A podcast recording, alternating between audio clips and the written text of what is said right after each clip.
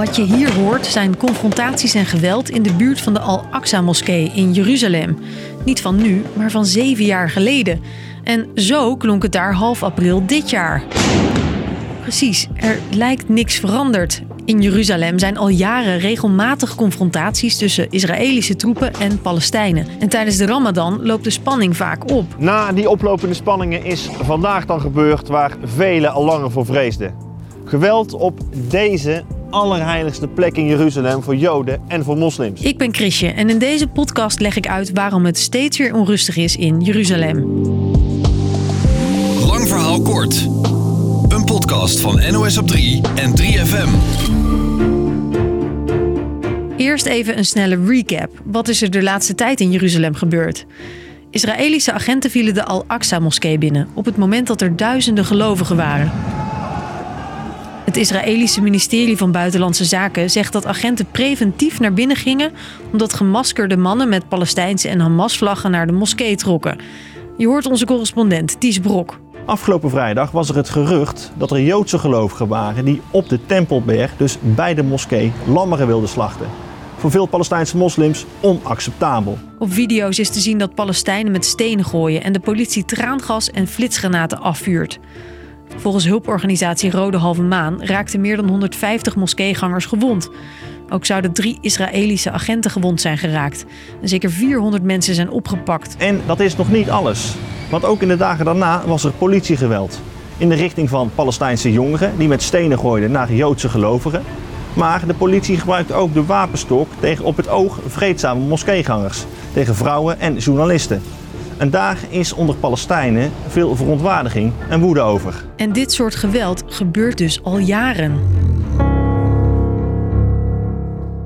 Om te begrijpen waarom het daar zo vaak onrustig is, neem ik je mee door de geschiedenis.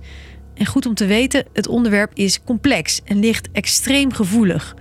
De complete geschiedenis tot in ieder detail uitleggen in deze podcast, dat lukt dus niet. Jeruzalem is een belangrijke plek voor zowel moslims, joden als christenen. Allemaal hebben ze er heilige plekken, vertelt Ties. Voor Joden is Jeruzalem heilig omdat er belangrijke gebeurtenissen plaatsvonden in de Joodse Bijbel. En er de belangrijkste tempels stonden. Ook voor moslims is Jeruzalem een heel heilige en bijzondere stad.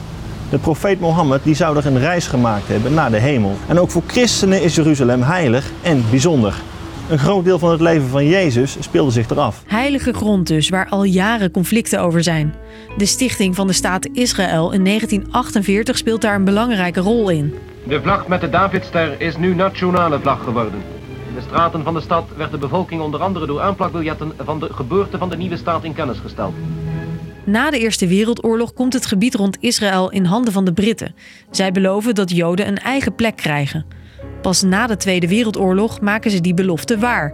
Bijna alle westerse landen vinden dan dat Israël een plek moet worden waar Joden veilig zijn. Nu de Britse blokkade automatisch is opgeheven, stormen schepen met immigranten de havens binnen. Na jaren van kant tot kant te hebben gezworven, betreden deze Joden hun nieuwe vaderland. Voor Palestijnen is dit moment een zwarte bladzijde. Zij wonen dan al op die plek, in het Britse mandaat Palestina. Maar honderdduizenden Palestijnen worden verdreven.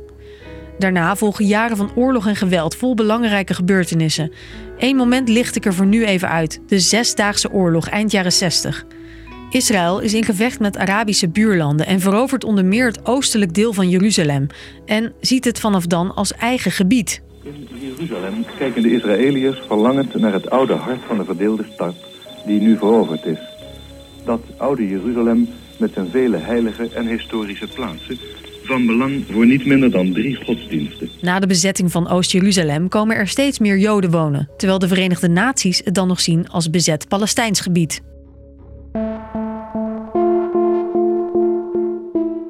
Het conflict tussen de Israëliërs en Palestijnen loopt dus al jaren en de Ramadan lijkt vaak een extra beladen moment, vertelt onze correspondent Ties Brok. Veel Palestijnen krijgen de indruk dat ze in deze periode niet zoals ze dat zouden willen hun geloof kunnen beleiden. En veel Israëliërs die vrezen voor extra Palestijns geweld.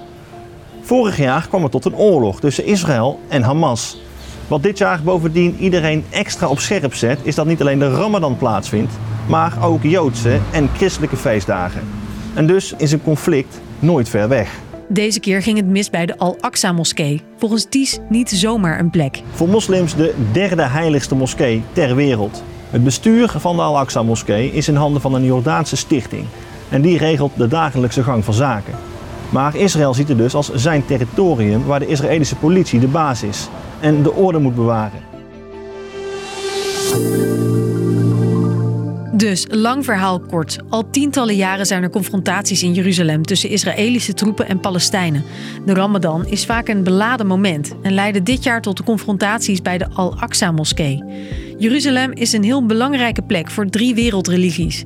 Dit jaar valt de Ramadan ook nog eens samen met Joodse en christelijke feestdagen, waardoor de spanning nog verder oploopt. Dat was de podcast voor vandaag. Morgen dan zijn we er weer, rond vijf. Fijne dag.